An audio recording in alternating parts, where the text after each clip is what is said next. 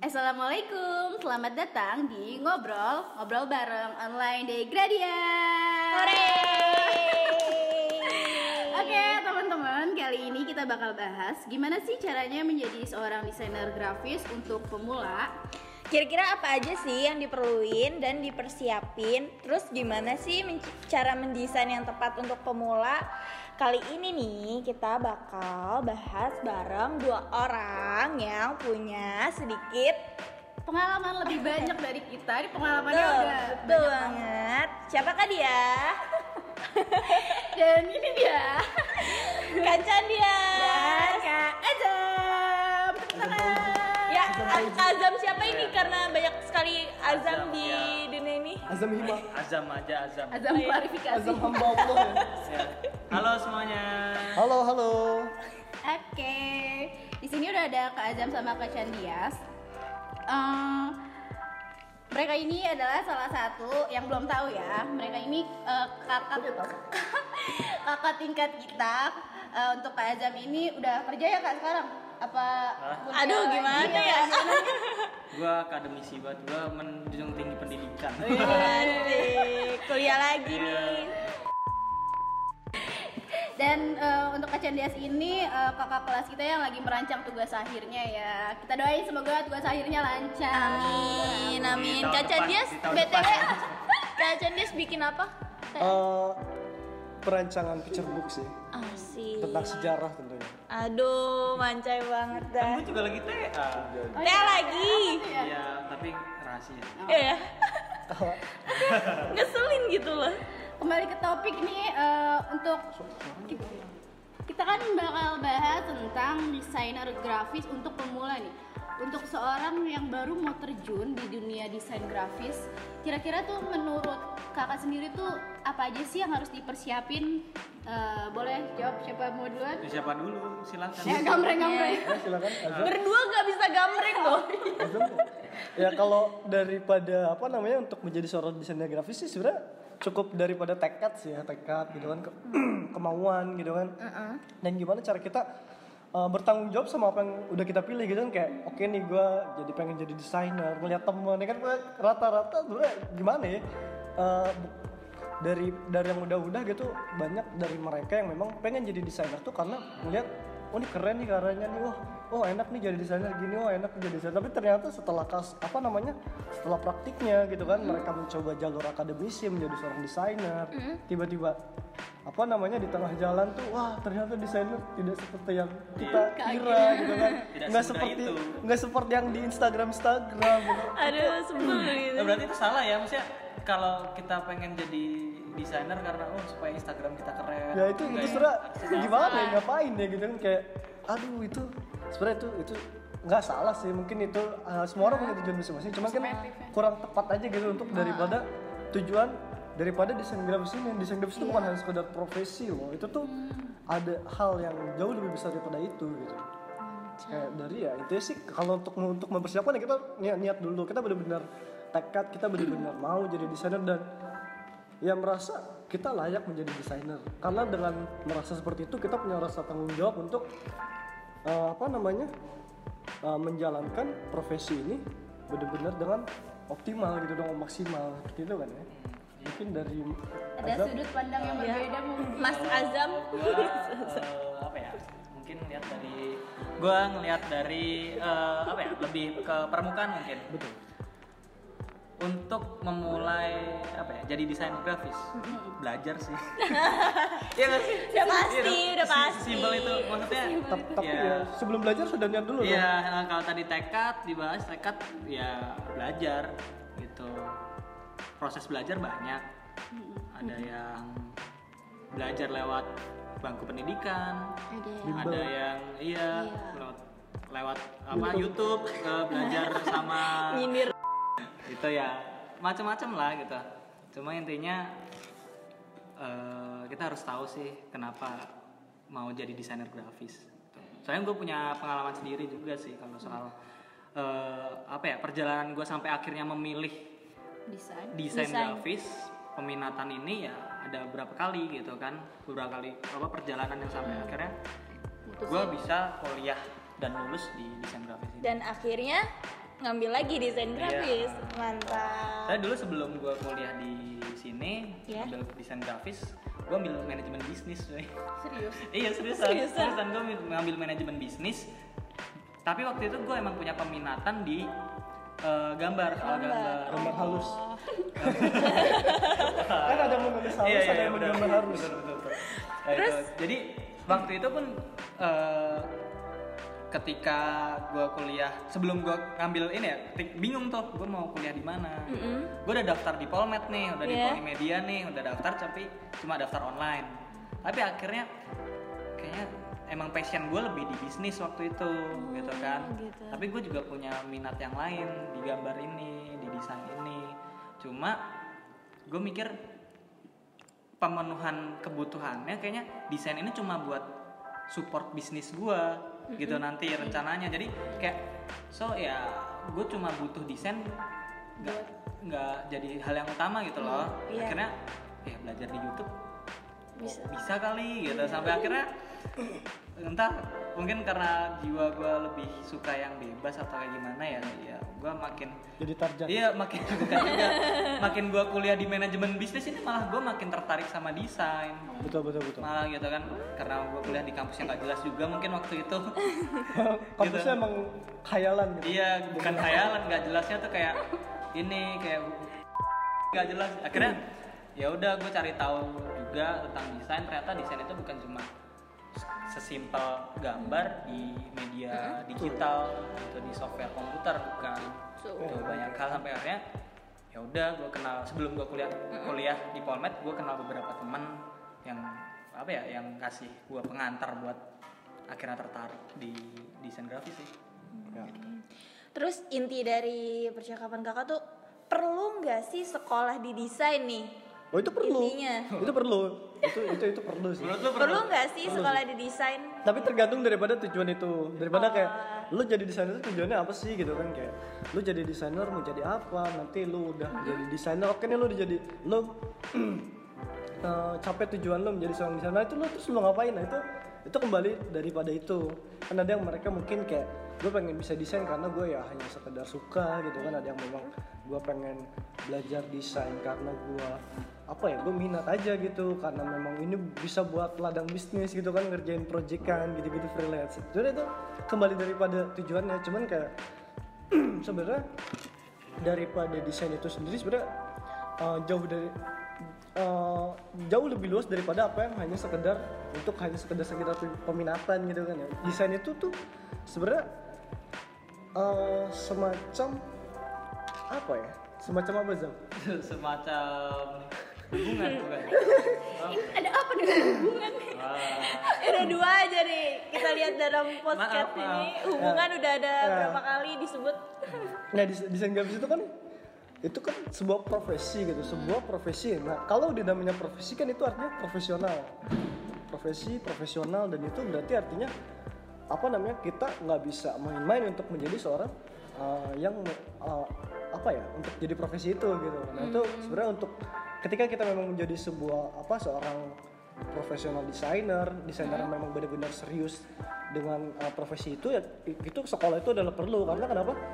Banyak hal yang nggak bisa lu pelajarin cuma lewat YouTube, cuma lewat temen lu, cuma lewat kayak sharing komunitas. Itu sebenarnya itu jauh daripada itu. Kayak oh gua pun dulu mikir gitu aduh ngapain sih sekolah desain? Gue bisa belajar gitu kan. Gue udah gue udah bisa dapat proyekan gitu kan. Gue udah gue udah bisa ini itu desain Som- tinggal sombong belajar. lu ya, sombong gitu kan kita terus akhirnya gue mikir ternyata ketika itu akhirnya gue uh, men- me- apa menetapkan gue harus kuliah gitu karena memang gue pengen belajar lebih banyak lagi kayak gitu. Dan ternyata setelah gue masuk kampus tuh gue nggak ada apa-apanya men gitu. Itu tuh kayak banyak hal yang sebenarnya tuh nggak bisa kita dapetin kayak di ini oke nih ketika lo belajar desain secara otodidak yang lo pelajarin adalah flat design Iya. terus kayak desain untuk ini desain untuk ini sebatas banner color draw Photoshop edit selesai gitu kan hanya sebatas itu gitu. Dan itu pun ketika memang lo mau kayak si takaran jagonya tuh oke nih keren nih keren. Tapi ada hal yang jauh lebih bermanfaat ketika lu uh, apa namanya masuk akademisi yaitu lu bakal paham yang namanya design thinking, metode-metode bagaimana kita menjadi seseorang kreatif, disiplin desain, pemahaman-pemahaman tentang masyarakat. Karena biar bagaimanapun desain ini nggak terlepas daripada solusi permasalahan yang ada di masyarakat. Kayak gitu kan kayak banyak hal yang lu pelajarin gitu kan kayak lu kuliah tuh kayak empat tahun apakah emang cukup gitu gitu kan kuliah segitu. Sebenarnya masih banyak hal yang perlu digali gitu. Dan bahkan untuk kayak di bangku kuliah pun itu sebenarnya masih belum cukup masih banyak harus hal yang kita gali. Kayak misalnya kayak eh, apakah dengan otodidak lu bakal mengerti bagaimana sebuah design thinking itu berjalan berpola? Kan kayak gitu kan enggak gitu kan? Dari yang gue alamin sih ya kayak gitu. Dan kayak kan namanya kalau misalnya di kampus tuh lu pasti bakal kayak eh, lu pasti dip- dipaksa untuk eksplorasi. Iya. lu pasti kayak dikasih tugas lu dibimbing. Nah itu yang bener-bener nggak ada. Bisa lu dapetin secara otodidak karena lu otodidak ya udah lu bebas lu suka be- beres gitu. Karena ketika kita kuliah tuh kita bakal bener-bener paham apa itu yang namanya apakah ini seharusnya apakah apa yang kita buat ini udah efektif atau belum apakah dampaknya dari masyarakat apakah yang kita buat ini udah berhasil apa eh, menyelesaikan masalah yang ada gitu kan. Karena ya desain ini adalah solusi dengan media komunikasi dengan media visual dengan media-media yang lebih menarik dan efisien seperti itu sih. Jadi kayak ya kalau dibilang seni sih beda ya. Iya kan? Sam? Beda, beda. beda kan? Beda. Terus ada yang bilang oh nih gue masuk desain gue seniman. Ya. Jadi kayak ya ya gitu sih. Ba- balik lagi. Kazam gimana? Ada pandangan yang beda kan ya untuk sekolah? Apa sama? mungkin agak-agak agak berbeda sih ya. Tapi bukan nggak setuju setuju. Setuju jelas setuju. Karena ketika kita belajar di bangku pendidikan kita bisa lebih paham bagaimana itu proses. Kita bisa menghargai profesi itu sendiri menghargai eh, usaha dari sebuah karya. Jadi kita nggak menilai cuma dari eh, segi hasilnya aja segi visualnya. Terus, karena kalau nggak kadang umumnya orang tanpa belajar menilai sebuah karya adalah dengan pandangan pribadinya aja kayak betul. hasil akhirnya keren ya keren gitu. Sementara kan keren itu kan subjektif Relatif, banget ya sangat relatif. banget gitu. Semua orang bisa beda lagi-lagi selera gitu. Wah itu selera Ah, sih. selera banget gitu. Cuma eh, ya kita perlu tahu karya ini bukan soal bagus atau enggaknya doang tapi berhasil atau enggak betul kan. itu lebih ke, ke Dari- bagaimana karya itu komunikasi dan lain itu kan banyak pertimbangan. fungsional gitu kan kayak lu bikin ini apaan sih gak ada fungsinya gitu kan Iya, keren doang apain gitu kan lu buat lagi apa. situ kayak ya ba- banyak sih kayak jadi kan kayak memang untuk menyelesaikan masalah-masalah yang ada gitu sebenarnya di kayak nah ini uh, menyelesaikan masalah itu dengan ya, ya itu dengan bagaimana kita uh, apa merancangnya dengan uh, apa namanya solusi visual. Jadi kan kayak ada metode-metode khusus untuk kayak desainnya gimana sih biar sampai gitu kan. Ada apa namanya bagian-bagian yang lebih spesifik kayak apa namanya kita, kita tuh sebenarnya desainer tuh ini kan kayak apa sih ada hubungannya sama uh, apa ya profesi research gitu kan. Gitu Iya, tuh itu tuh iya. sebenarnya kayak desain itu sebenarnya hampir se 40% itu adalah research gitu kan. Kita harus meresearch segala macam desainer itu ya itu wajib tahu kayak misalnya lu untuk umur segini kayak gimana. Dan itu memang kita apa namanya banyak hal yang sebenarnya bakal lu pahamin ketika di bangku kuliah gitu kan. Kayak lu ketika lu lagi di misalnya belajar sendiri nih lu lu pasti nggak akan kepikiran kalau ternyata untuk umur segini tuh sukanya kayak gini ternyata kayak gini. Dan banyak aspek-aspek sosial kemasyarakatan yang harus lu pahami juga gitu. Karena lu desain buat siapa? Bukan buat diri lu men. Lu desain untuk orang lain itu. Itu bedanya Itu sama bedanya. seni- seniman ya. Ya kan sih? seniman kan karena apa ya yang gua mau mood gua kayak gimana karena ya gua bikin karya aja kalau seniman kan gitu Kalau galau Ada yang suka, bikin ya, alhamdulillah. kalau lagi galau patah hati bikin buku Karya. suara visual gitu kan ada yang bikin puisi Oh gitu. Oh gitu. ilustrasi, Iya iya iya. Terus gua mungkin Terus kalau kalau seniman desain tuh gimana tuh? Iya, ada agak nggak kurang paham. Seniman desain. ya. Tapi eh, soal yang tadi eh, pandangan yang sedikit berbeda adalah ketika ditanya perlu nggak sih? Pertanyaan perlu nggak sih? Kan ber, apa Sekolah sekolah desain. Perlu desain. nggak? Eh, perlu perlu. Alasannya apa ya tadi gitu? Tapi kalau pertanyaannya penting nggak sih? Enggak kenapa? Untuk jadi desainer nggak harus belajar kalau Iya, cuma betul. sekedar jadi desainer. Nah, itu. gitu. Jadi iya banyak orang untuk jadi desainer nggak harus kuliah. Banyak banyak banget gitu. Itu cuma kalau kalau perlu ya perlu. Cuma kalau penting enggak karena untuk jadi desainer nggak harus kuliah tadi kan Iya. gitu jadi nggak oh gue mau jadi desainer juga maksudnya kalau nggak kuliah di jadi gimana gimana sih ya gini gini Iya, iya. Jadi Dia bingung sendiri dong. Jadi kayak di sini tuh Azam ini ada uh, sedang merespon apa yang sedang terjadi di masyarakat. Perspektif seorang desainer itu adalah nggak perlu lu sekolah lu udah bisa jadi desainer. Itu kan masyarakat sekarang begini gitu. Lu bisa Photoshop lu udah bisa jadi seorang desainer.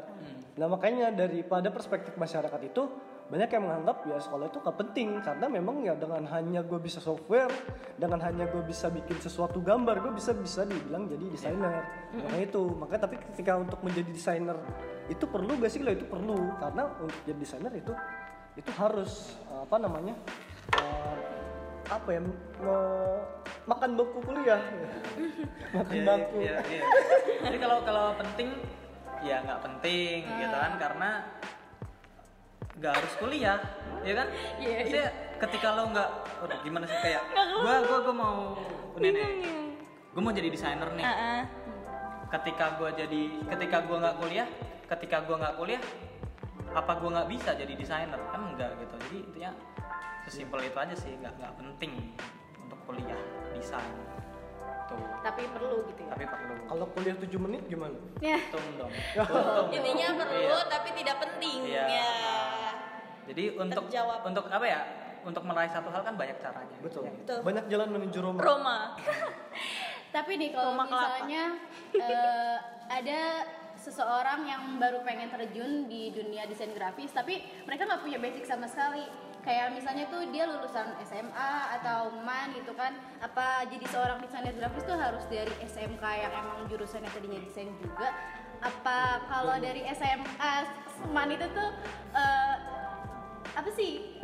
Kayak telat gitu gak sih untuk belajar desain gitu loh? Kalau homeschooling boleh. Nah, itu juga tuh. Oke, sekarang gini, sekarang gini. Lu kuliah desain biar apa? Biar apa sekolah desain? Biar belajar kan? Iya.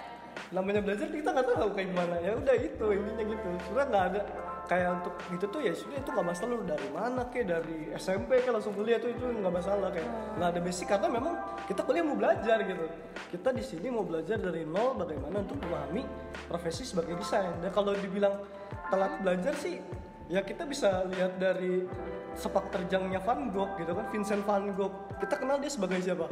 Pelukis paling berpengaruh di abad 19 lu tahu gak sih dulu tuh dia belajar berapa tahun melukis umur 28 tahun.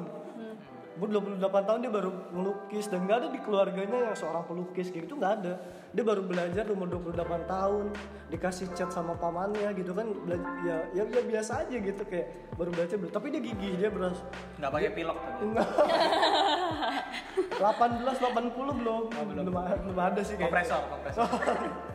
Masih dipikirin itu cara bikin pilok. Nah, jadi kayak lain kayak gitu dia dia baru belajar umur 28 tahun, tapi dia bikin kayak ah, gue harus bisa gitu kan ngelukis itu bikin gue apa ya bahagia gitu. Jadi dia melakukan profesinya itu sebagai hal apa yang dia cintai gitu. Dia bener-bener gigih belajar.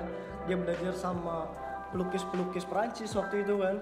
Sampai akhirnya apa namanya dia sehari itu bisa sampai uh, 10 sampai 12 lukisan per hari gitu kan. Wow. Nah, itu akhirnya dan di umur sekitar 38 deh ya dia dia sekitar 10 tahun belajar melukis terus dia bunuh diri men- meninggal dan lukisannya itu dianggap sebagai karya-karya paling uh, monumental dan berpengaruh di abad apa namanya? Di abad ke-19 gitu kan. Berarti artinya nggak ada hal yang bener-bener apa ya gimana ya? Nggak ada nggak ada kata telat gitu untuk belajar. Ketika memang kita mau gigih kita mau berjuang berusaha gitu ya apa yang kita lakukan itu nggak akan mengkhianati hasil. Itu sesimpel itu sih.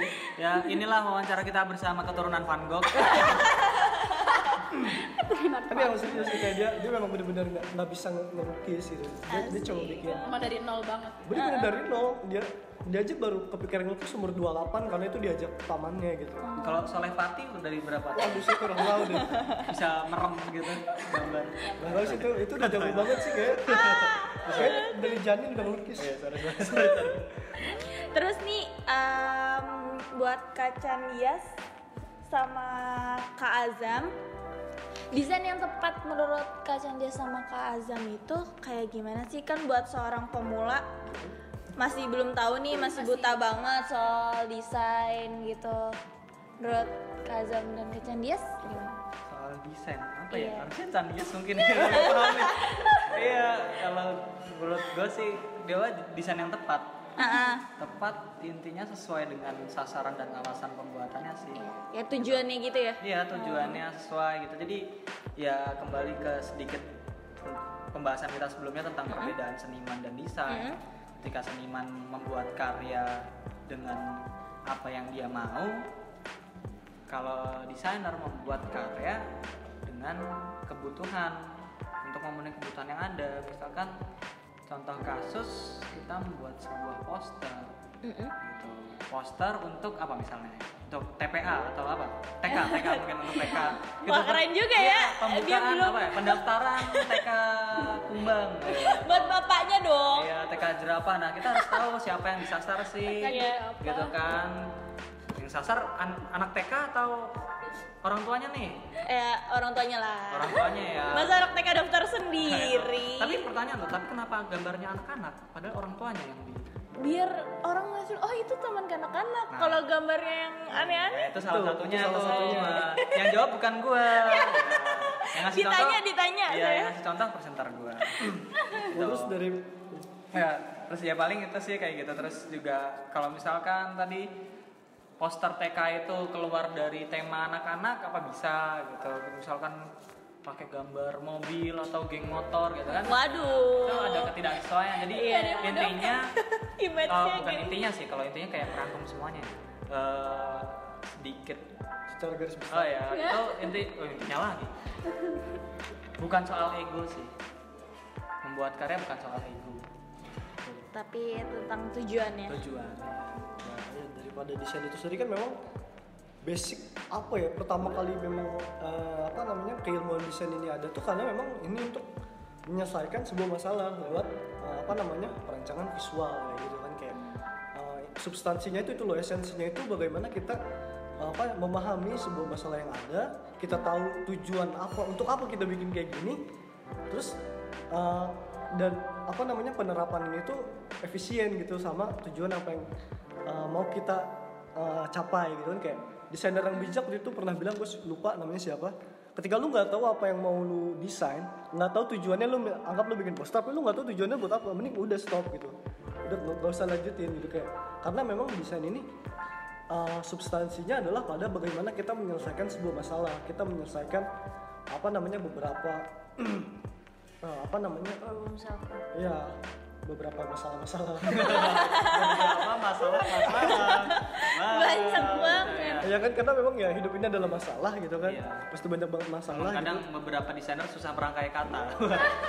intinya ya itu sih gitu sih kayak karena apa namanya kita kan desainer tuh memang yang tepat itu adalah bagaimana kita tepat sasaran itu gitu nah jadi kan untuk untuk mencapai oke kan sebagai desainer kita gampang ngomong kayak oh desainer itu harus misalnya ngedesain sesuatu yang tepat sasaran sesuai tujuan. Kan secara garis besar kan kayak gitu kayak oh gampang banget. Ternyata kan duduk di belakang itu banyak proses untuk bisa sampai ke efisiensi. Misalnya anggaplah kita mau bikin apa nih eh, misalnya branding kayak minuman untuk anak muda gitu kayak untuk untuk sampai ke hasil desain yang efisien itu sebenarnya banyak banget proses yang kayak yang harus kita jalin kayak pertama kita harus riset dulu kan anak muda tuh apa sih? gitu kan. Anak muda mana yang mau kita sasar? Terus udah gitu kayak apa namanya eh, ini minuman yang kita bikin tuh apa sih? gitu kan. Terus kita riset sedalam mungkin gitu. Terus apa kebiasaan audiens kita gitu kan. Kita, riset sedalam mungkin eh, se- seluas luasnya gitu kan tentang eh, materi yang mau kita angkat sebagai karya atau sebagai desain. Nanti kita kerucutin lagi gitu. Oh ternyata apa namanya eh, branding daripada minuman ini tuh misalnya eh, wanita dari umur segini sampai segini target pasar yang sekundernya dari umur segini sampai segini dan dari situ kita bakal tahu kayak apa namanya ba- apa ya istilahnya tuh eh, hasil daripada riset itu. Kayak misalnya kesimpulan-kesimpulan lo ternyata untuk segini tuh lebih suka kayak gini. Kita harus ngeriset juga apakah eh, ketertarikan dia seperti apa gitu kebiasaannya seperti apa. Dari situ kita baru kayak merangkum oke nih kita udah dapat kuncinya di sini. Di situ kita langsung ke apa namanya ke kayak entah referensi gitu kan visual bagaimana apakah apakah dengan kebiasaan. Ini kan berarti kan kita ngeling lagi ke sebelumnya dari riset gitu kan kayak apakah dengan usia segini dia akan suka dengan visual yang seperti ini gitu kan? Dan apakah ini efektif apakah ini kebaca? Nah itu di situ bakal berjalan tuh. Disiplin desain prinsip desain dan segala keilmuan-keilmuan desain yang nggak bisa kita pelajarin dengan sendirinya gitu. Mungkin oke oke lah secara awal tuh kita diajari sama dosen gitu kan? Dosen ngasih tahu kita arahan gini-gini tapi untuk sains tetap kita harus uh, lanjut lagi untuk eksplorasi itu. Kita harus berpikir karena desainer itu ya itu pure tentang bagaimana kita berpikir gitu. Kita berpikir apakah ini menyelesaikan masalah? Apakah dengan font yang kita gunakan ini keterbacaannya oke? Apakah dengan warna ini bisa membawa mood sesuai yang kita inginkan? Iya, betul. apakah apa yang kita jual ini tepat di masyarakat? Apakah memang suatu hal yang apa namanya karya gambar atau desain yang kita buat ini tuh benar-benar menyampaikan informasi secara aktual secara mudah untuk dibaca kan seperti itu banyak sekali apa namanya hal-hal yang nggak bisa kita eh, tabrak-tabrak gitu. Karena dia ada ada disiplin semua semua udah ada jalurnya gitu kan. Dan di situ sebenarnya yang bikin eh, proses desain itu itu keren banget sih. Jadi kayak eh, apa namanya sebagai desainer kan ketika kita udah menyelesaikan sebuah karya tuh atau sebuah project itu pasti ada ada kepuasan tersendiri gitu kan. Iya, nah itu intinya di situ. Jadi kayak tentang bagaimana proses itu panjang untuk menjadi sebuah hasil efisien kayak gitu sih Dari tadi kan kita udah bahas eh, gimana desain yang tepat, tujuan desain itu apa. Tapi kan dalam sebuah desain itu kan kita tuh kayak merancang sesuatu jadi satu padu gitu kan untuk gimana sih cara kita biar ngedapetin ide-ide yang kreatif, ide-ide yang gimana ya, yang membuat orang itu tuh tertarik sendiri buat ngelihat desain kita gitu. sebenarnya ada ada dua cara ya ya ada ada Eh, enggak, enggak, oh, lu, ya. lu, lu, lu. sebenarnya ada Udah ngomong nggak jadi. ya ada sebenarnya ada banyak cara tuh jadi kayak ada juga kayak lewat jalur eh, jalur ini jalur MDK. ya jalur ada bisa lu misalnya kalau misalnya sebagai akademisi lu bisa Iya. kayak SBM. apa namanya eh, ke dosen lu gitu kan lu, lu nanya gitu kan ngasih saran dan situ, situ bakal ngebuka bakal ngebuka wawasan baru Pikiran tentang ini juga. gitu kan kayak ini. Dan sebenarnya dan ada satu lagi metode yang kita harus kayak eksplorasi. Dan itu sebenarnya metode yang penting banget karena banyak banget metode cara gimana kita kayak jadi seseorang yang kreatif kita punya ide yang keren itu banyak banget. Sampai kayak ada di tahun 2005 itu British Design Council itu ngerangkum sebuah riset yang mana itu dia bikin semacam metode desain. Jadi kan se- sebelum tahun 2005 itu semua perusahaan-perusahaan ternama internasional itu mereka punya resep sendiri kayak bagaimana sih mereka bikin sebuah kayak promosi bikin sebuah produk. Itu metode mereka tuh masing-masing.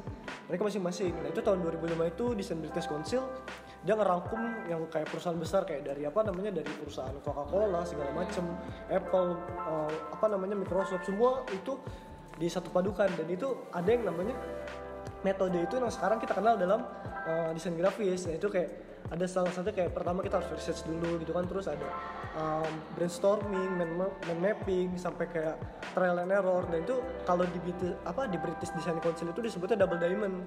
Double diamond tuh semacam apa ya metode mungkin bisa googling aja kali ya.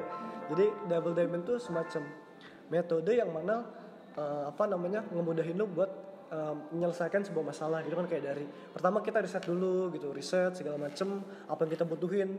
Semua hal yang ada kaitannya dengan project yang mau kita kerjain itu harus benar-benar di research setelah itu se- setelah researchnya uh, dapet semua gitu kan lalu kita kerucutin apa yang kita butuhin. Kayak udah nih yang yang nggak perlu kita bombongin nah terus itu apa namanya dikerucutin lagi. Terus kita tentang masuk ke visual. Visual kita research semua apa pun yang ada kaitannya sama yang mau kita kerjain.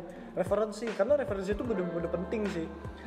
Ide kayak ide apa istilahnya nggak ada suatu hal yang baru di bawah matahari gitu kan ya. Iya. nggak semua itu pasti ada kaitannya gitu. Kayak ki- kita lihat kayak misalnya Avandi pelukis Avandi. Itu keren di Indonesia baru. Tapi tahu gak sih kalau dia tuh sebenarnya berkiblat sama Vincent van Gogh gitu. Kan kayak gitu. Vincent van Gogh juga berkiblat sama ada pelukis-pelukis sebelumnya. Terus terus terus. Dan itu semua itu saling berkaitan satu sama lain. Kayak nggak ada hal yang baru. Kayak Apple gitu kan. Apple tuh kayak suatu hal yang baru di awal tahun 2007 apa namanya produk dengan simple segala macam tapi itu sudah ada dulu tahun 1960 nama brandnya adalah Brown. Brown ini dia semacam produk elektronik yang mana uh, nyusung konsep futuristik gitu apa ya modern gitu-gitu dan itu Apple berkaca ke situ. Steve Jobs pun mengakuinya gitu. Dan artinya nggak ada hal nggak ada hal yang baru di bawah matahari. Jadi makanya itu research referensi itu adalah hal yang penting. Itu disebut juga kalau di kampus kita tuh wisata visual ya. Wisata visual. wisata visual. Jadi kayak lu desainer yang baru ngelihat 100 desain sama yang udah ngelihat 1000 desain itu hasilnya akan berbeda gitu. Karena ketika kita ngelihat referensi yang keren itu kita bakal paham oh ini ternyata ini bisa juga diginiin. Oh ini ternyata bisa nih kayak gini kita kita tiru gitu kan. Terus kita uh, modifikasi segala macem. Dan untuk ngolah apa referensi pun ya itu itu nggak mudah. Kita harus lihat juga kayak apa sih ini yang bikin karya ini keren gitu. Lalu kita ambil garis merahnya benang merahnya lalu kita coba aplikasikan ke desain kita. Nanti itu bakal bakal apa ya bakal eh, sesuai pada wadahnya gitu kan. Kayak lu lu ngikutin ya sesuatu lukisan lu samain percis gitu. Itu itu nggak akan sama gitu. Karena itu apalagi kalau desain lu ngikutin sebuah referensi gitu kan. Eh, ketika lu ngelihat referensi itu itu itu bakal apa namanya eh, sesuai sama apa yang lu butuhin dari situ. Dan kayaknya untuk nyari ide itu sebenarnya banyak banget caranya. Lu bisa bisa apa namanya bisa entah dari eh, nyari inspirasi nonton film. Itu nonton film penting banget sih kayak nonton bioskop gitu kan film-film berkualitas itu bakal memperkaya wawasan lu tentang kayak visual misalnya kayak lu lagi ngedesain misalnya style yang vintage ya kayak Eropa Eropa oh nih gue pernah nonton film Victorian nih kayak gini-gini wah ini Asik. ada kayak One gini Piece, One Piece. ya, iya kayak gitu, gitu One Piece gitu kan oh ini gue lagi bikin karya tentang apa misalnya misalnya perang gitu kan Portugis sama gue harus nonton nih dari episode 1 lagi. ya gitu kan Gila One Piece sih. ternyata dan gitu dan kayak gitu sebenarnya banyak hal di, di dunia ini yang bisa kita jadiin eh, referensi eh, jadiin ide gitu kan ide itu eh, gini loh eh, pola kerja ide itu adalah kita nggak akan pernah eh, apa namanya ngedapetin sesuatu kalau kita belum pernah lihat. Kayak misalnya lu, lu bikin alien. Lu bikin alien digambar kan itu alien itu pasti nggak mungkin suatu hal yang baru tapi eh, yang udah pernah lu lihat misalnya matanya kayak mata apa badannya badan apa. Itu kan su- suatu hal yang udah pernah lu lihat sama kayak desain. Untuk lu dapetin ide yang keren itu lu harus banyak lihat referensi gitu kan. Kayak oh ini gue pernah lihat ketika lu kayak lagi ngerjain sebuah project gitu kan oh, pos eh, ibarat katanya poster gitu kan Victorian gitu dengan style eh, apa namanya art nouveau udah gitu. Terus lu per- eh, untuk dapetin ide itu kadang alam bawah sadar kita yang bekerja gitu. Oh ini kayak gue pernah lihat nih eh, style kayak gini kayak gini kayak gini kayak gini gitu kan. Mungkin kita bisa kombinasiin sama style eh, A style B style C gitu. Dan kita dapat se- sebuah ide yang baru kayak gitu. So banyak banyak banget cara sih untuk gimana caranya biar kita dapetin suatu hal yang baru. Dapetin suatu hal yang baru itu adalah dengan mengkombinasikan dua hal yang berbeda. Itu itu bisa jadi suatu hal yang baru gitu kayak uh, apa namanya kayak apa ya yang yang contoh kasusnya itu adalah apa ya Zon? punya Oh. contoh kasus gak kayak suatu hal yang baru tapi sebenarnya itu udah ada gitu. Satu hal yang baru, tapi sebenarnya udah ada. ya, ya kayak Oh, tadi sebenarnya Apple. ada, iya. ya kayak Apple. Kan Apple kita bilang wah ini keren nih baru. Tapi sebenarnya itu udah ada gitu. Terus ada lagi tuh apa ya gue gue lupa deh. Intinya kebanyakan inovasi itu kan atau Ya. sesuatu yang baru itu hasil dari penggabungan beberapa ya inovasi. unsur yang sebenarnya sudah ada. inovasi kan perbaikan gitu kan. Perbaikan perbaikan. Jadi misal suatu produk A itu diperbaiki diperbaiki. Nah itu tapi disebut inovasi karena dia masih produk A. Ketika kita punya produk A produk B ini gimana kalau kita disatuin Z itu maka jadilah produk C, produk C gitu. Jadi sebenarnya itu nggak ada hal yang baru itu diinovasiin tapi digabungin gitu kan. Kombinasi banyaklah prosesnya ya. ya banyak prosesnya kayak gitu. Sebenarnya tuh untuk jadi kreatif tuh sebenarnya ya tinggal itu aja memperkaya bagaimana kita bisa wisata, wisata visual yang sering-sering gitu kan. Kadang kadang mahasiswa desain tuh dari yang udah-udah ya kayak nyari referensi itu kalau ada tugas doang gitu kan kayak Dan mentok di Pinterest aduh itu sih sama Behance. iya bener banget Udah tau Pinterest cuma itu itu doang. iya kayak sam apa ya waktu itu display ya kan waduh nih aduh kayaknya personal branding putar semua gitu kan iya, waduh. aduh kayak gitu-gitu sih itu bahaya sih kayak gitu-gitu kayak Dis- ya eh, gimana ya harus haus akan ide-ide Berarti tetap harus diasah ya, nggak cuma cari referensi pas mau ada tugas doang. Iya. Sebenarnya referensi itu nggak harus kayak lu nyari di internet desain good design atau apa itu sebenarnya referensi itu kayak lu lu nonton film lu main game itu tuh, tuh itu bagian dari referensi Oh, iya. Nonton, Gua- gua pun gosip gitu. Cuy. Itu referensinya di mana ya, Mas? ada. Oh, ada. Coba lu dalam coba lu lakuin dulu. kan kayak kayak gini nih kayak kayak gue gue bikin TA nih TA gue tentang kayak sejarah gitu kan seja- sejarah di abad ke-15 gitu dan ada beberapa scene dari picture book gue itu dan eh, apa namanya ada perang kapal gitu. Itu gue cari referensi nggak kayak di Pinterest di Pinterest itu nggak. Gue main game. Gue main game Assassin's Creed Black Flag. Itu itu seri game terbaik di Assassin's Creed apa di Assassin's Creed. Dan itu apa yang gue dapetin dari situ? Kayak angle-angle ketika dia berperang tuh kayak gimana? Apa yang ngerasain ketika gue perang tuh kayak gini loh ternyata rasanya gitu kan gue main game gue ngerasain langsung.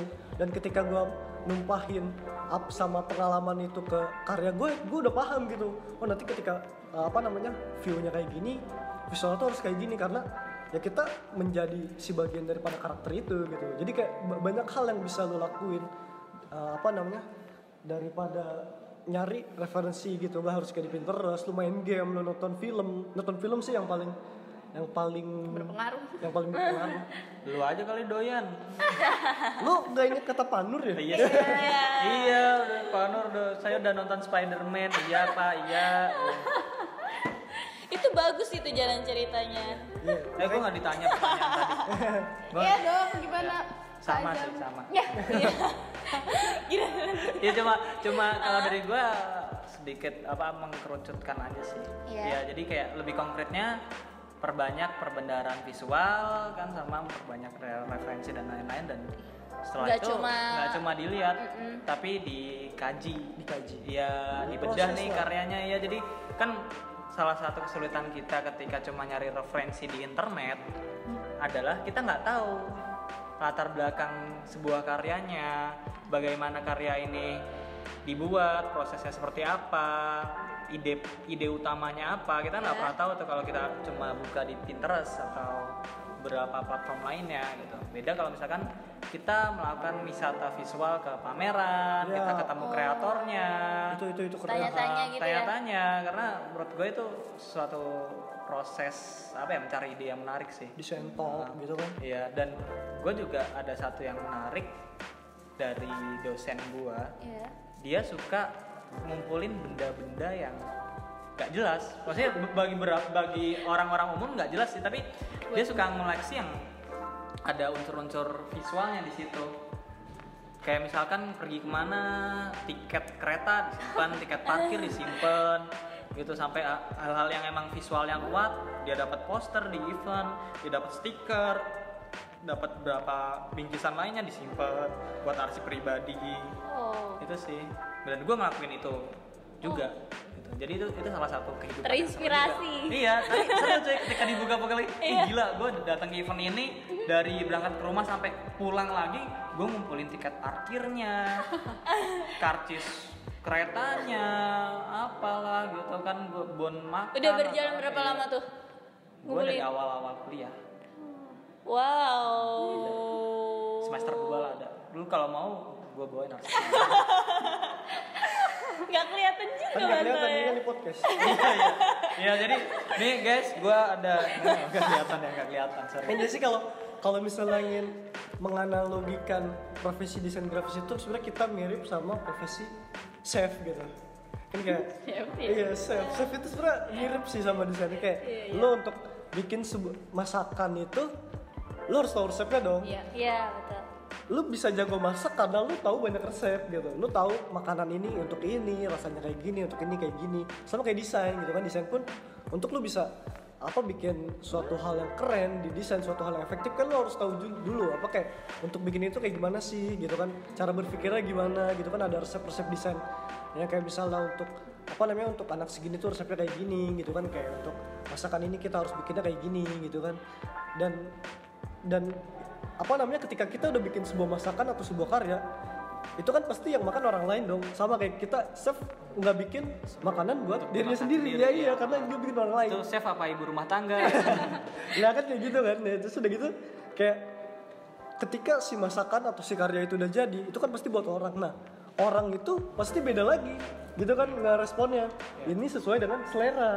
Nah kayak kita bikin karya gitu kan kita bikin apa namanya sebuah masakan gitu. Ketika anggaplah ini misalnya udang gitu kan udang dengan segala apa namanya pernak perniknya gitu terus dikasih ke orang. Ada yang bilang ini kurang ada yang ini, ini. karena itu kan masalah balik lagi ke selera. Iya. nah kayak chef juga pasti mikirin dong untuk kayak kalangan segini umur segini apa seleranya gitu. Sama kayak desainer gitu. Desainer pun nggak nggak boleh sembarangan. Dia harus paham tentang masalah selera selera visual gitu kan. Kayak untuk orang segini tuh apa namanya apakah tepat kayak gini visualnya? Bagaimana selera audiens kita gitu kan? Apakah ini bisa menarik untuk kalangan seperti ini? Bagaimana selera mereka? Bagaimana kebiasaan mereka? Kan kayak seperti itu. Jadi se- sebenarnya mirip sih gitu kan? Apalagi kalau lu desainer juga masak lu ya Waduh. Double. Jadi bingung tuh mau ambil desain grafis apa seni kuliner. Wah, promosi kampus. Yang mau masuk seni kuliner tertarik silahkan daftar di Polimedia. Nanti ditut gitu Iya, gue dapet nih pot apa namanya? Dapet, Royalti. Iya, royalti juga nih. Royalty. Oke, untuk dari semua yang udah kita bahas, eh, kesan-pesan untuk dari masing-masing Kak Candias dan Kak Azam Kak tuh Azam. buat pemula ini tuh eh, yang masih kayak ragu-ragu mau jadi desainer grafis untuk kuliah desainer grafis tuh pesan-kesannya apa untuk mereka? Gue, ya kembali ke apa yang gue mulai kata-kata gue mulai apa nih? belajar ya Eh. udah sih enggak enggak enggak cuma itu sih Bela- belajar Serius untuk maksudnya? motivasinya adalah mau belajar di mana pun bagi gue nggak ada masalah ketika lo berpendidikan lo kuliah desain bukan jaminan bukan jaminan lo menjadi desainer yang baik dan kalau lo nggak kuliah bukan jaminan juga lo jadi desainer yang buruk gitu. Tergantung motivasi lo masing-masing punya jalannya punya caranya. Bahkan ada beberapa desainer yang non akademik dia otodidak dia punya motivasi yang lebih. Karena dia ngerasa gue nggak kuliah. Gue nggak punya uang untuk kuliah. Iya. Ken- kondisi keluarga gue nggak bisa buat kuliah gitu kan. Ya akhirnya dia ekspor lebih daripada teman-teman yang kuliah. kuliah. Jadi ya masing-masing ada caranya nah jadi gitu. Intinya- Tergantung niat juga ya. Iya, dari jadi semangat apa pun kondisinya semangat. Ya, Ah, semangat Iya. masuk Polimedia. Walaupun desainer udah bukan lagi profesi yang seksi, Iya. menurut gue ya menurut gue. soft skill Iya, udah seperti soft skill aja. Menurut Kak Candias sendiri gimana Kak? kalau dari itu sih ya ya kembali lagi kepada motivasi lah sih tujuan lu jadi di sana kadang masih ada beberapa masa nggak hanya untuk pemula yang baru mau memutuskan untuk masuk profesi desain bahkan dari teman-teman gue juga gitu kan udah kuliah sudah semester akhir itu mereka masih kayak ragu gitu kan. Ini gue jadi desainer gimana ya gitu kan? Gimana gitu? Apakah gue jadi desainer kayak gitu gitu Terus kayak motiv apa ya gimana ya? Lulus kembali ke ya motivasi. iya gitu kayak ah gue lulus nggak usah jadi desainer lah gitu kan. Iya. nah kayak gitu gitu bahkan udah ada apa mengenyam bangku kuliah tapi lulus nggak jadi desainer. Itu kan itu kembali ke motivasi kita masing-masing gitu kan kayak apa namanya eh, untuk jadi desainer tuh ya harus punya tekad yang kuat sih. Apalagi kalau lu akademisi karena itu itu bakal ya, ya gila-gilaan sih kayak entah tugas atau apalah itu gitu kan. Dan saran gue untuk yang masih kuliah gitu ya gitu kan karena ini gue udah akhir-akhir juga sebenarnya ada hal yang uh, banyak gue lewatin yaitu adalah sebenarnya ketika lu kuliah itu itu adalah waktunya lu itu buat main-main gitu. Main-main. kuliah itu adalah untuk main-main itu intinya itu loh. Kayak kayak apa nama gimana ya? Lu ketika lagi di kampus gitu kan lu punya tugas gue mau bikin ini nih karya ini. Ketika lu salah lu lu gak akan dibacot-bacotin sama dosen lu paling ya oh, harusnya gini loh gitu. Harusnya gini lu diarahin. Lu bisa main se-explore apa pun. Iya. lu main-main sepuas apa pun eksplorasi gitu kan itu itu itu nggak ada masalah men gitu kan kayak gue mau main ini gue mau bikin karya tapi kayak gini misalnya dilekuk-lekuk lah bikin buku tapi muter kayak gitu itu itu nggak masalah gitu. Itu itu main-main kita ketika lu udah lulus tuh nggak akan bisa kayak gitu-gitu gitu. Dan kayak dan apalagi kalau misalnya dari kalian-kalian semua ini udah ngegarap tugas akhir. Nah tugas akhir ini adalah puncaknya main-main lu gitu. Lu harus bisa bikin sebuah karya monumental yang super main-main gitu. Jadi kayak soalnya ini apa ya terakhir terakhir lu di kampus tuh apa yang bisa uh, lu lakuin gitu semain-main apa sih lu di kampus gitu karena kalau lu udah kerja mah ya terbentuk apa misalnya lu mau bikin desain ini buku muter terbentuk biaya terbentuk audiens terbentuk ini itu itu itu Terbentok, eh, terbentrok dengan Terben- klien. Iya, Nah, itu klien klien. kan harus berurusan dengan klien. Klien. Klien mau ABC gitu kan, tapi budgetnya ABC gitu kan. Dan kayak bahkan untuk kayak selevel aja agensi desain pun itu main-main tuh udah sulit banget gitu. Kayak yang penting gue harus ini gue harus simple sesuai dengan apa namanya eh, apa namanya eh, prinsip kaidahnya sesuai dengan masyarakat gitu. Kita nggak bisa lagi main-main wah gue mau eksplorasi gue mau desain eksperimental gue mau desain tapi tulisannya dimuter-muterin tuli- tulisan dipotong-potong huruf ya gitu itu itu udah nggak bisa lagi gitu. Makanya gimana caranya lu di kampus ini bisa jadi hal yang bener-bener lu bisa ngeksplorasiin meledakin semua ide lu di sini gitu karena ya kuliah tuh gimana ya nggak berasa gitu tiba-tiba anjing udah udah udah Udah mau lulus. udah mau lulus Tiba-tiba gitu.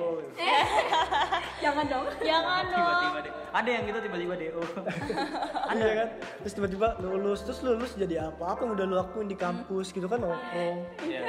jadi gitu ya ya ya gi- gitu balik lagi kepada apa yang udah lo lakuin di kampus jadi kampus ini adalah hal yang bener-bener ini banget sih buat main-main makanya jangan jangan sampai nyanyain sih apalagi yang baru masuk kan ini intinya lo pahamin dulu ini adalah tempat lo di mana lo bisa main-main sepuasnya gitu Jadi kalau main-main jangan main-main ya.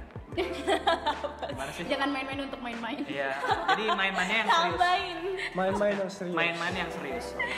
Tapi jangan lupa jangan nggak main, harus main. Gak nyampe ya jokesnya ya. Iyalah. Pakai otak. Itu udah tahun lalu, udah basi. Lokal lokal. Oke untuk teman-teman, jadi eh, untuk teman-teman yang baru mau masuk nih untuk ke dunia desain itu sendiri, udah dijelasin tadi sama kakak-kakaknya, nggak usah ragu, nggak usah takut ya kan Tan? Betul. Eh, harus gimana ya? Desain itu nggak nggak nggak gimana nggak Gak melulu harus sekolah, yang penting Ah. kita harus niat, cari referensi. Dan eh, berhubung sudah banyak pertanyaan yang kita curahkan, asik. Iya iya. Sudah sudah sepertinya ini apa bintang tamu kita sudah pada puyeng. Enggak enggak enggak. Mukanya- Gue masih bisa sejam lagi. nggak ada capek-capeknya. kali ya. berhubung eh, sudah sudah sudah Udah banyaknya ya Pokoknya intinya buat teman-teman kita nggak premium Oke, intinya buat teman-teman yang mau masuk ke desain grafis, Iya. jangan takut, jangan khawatir.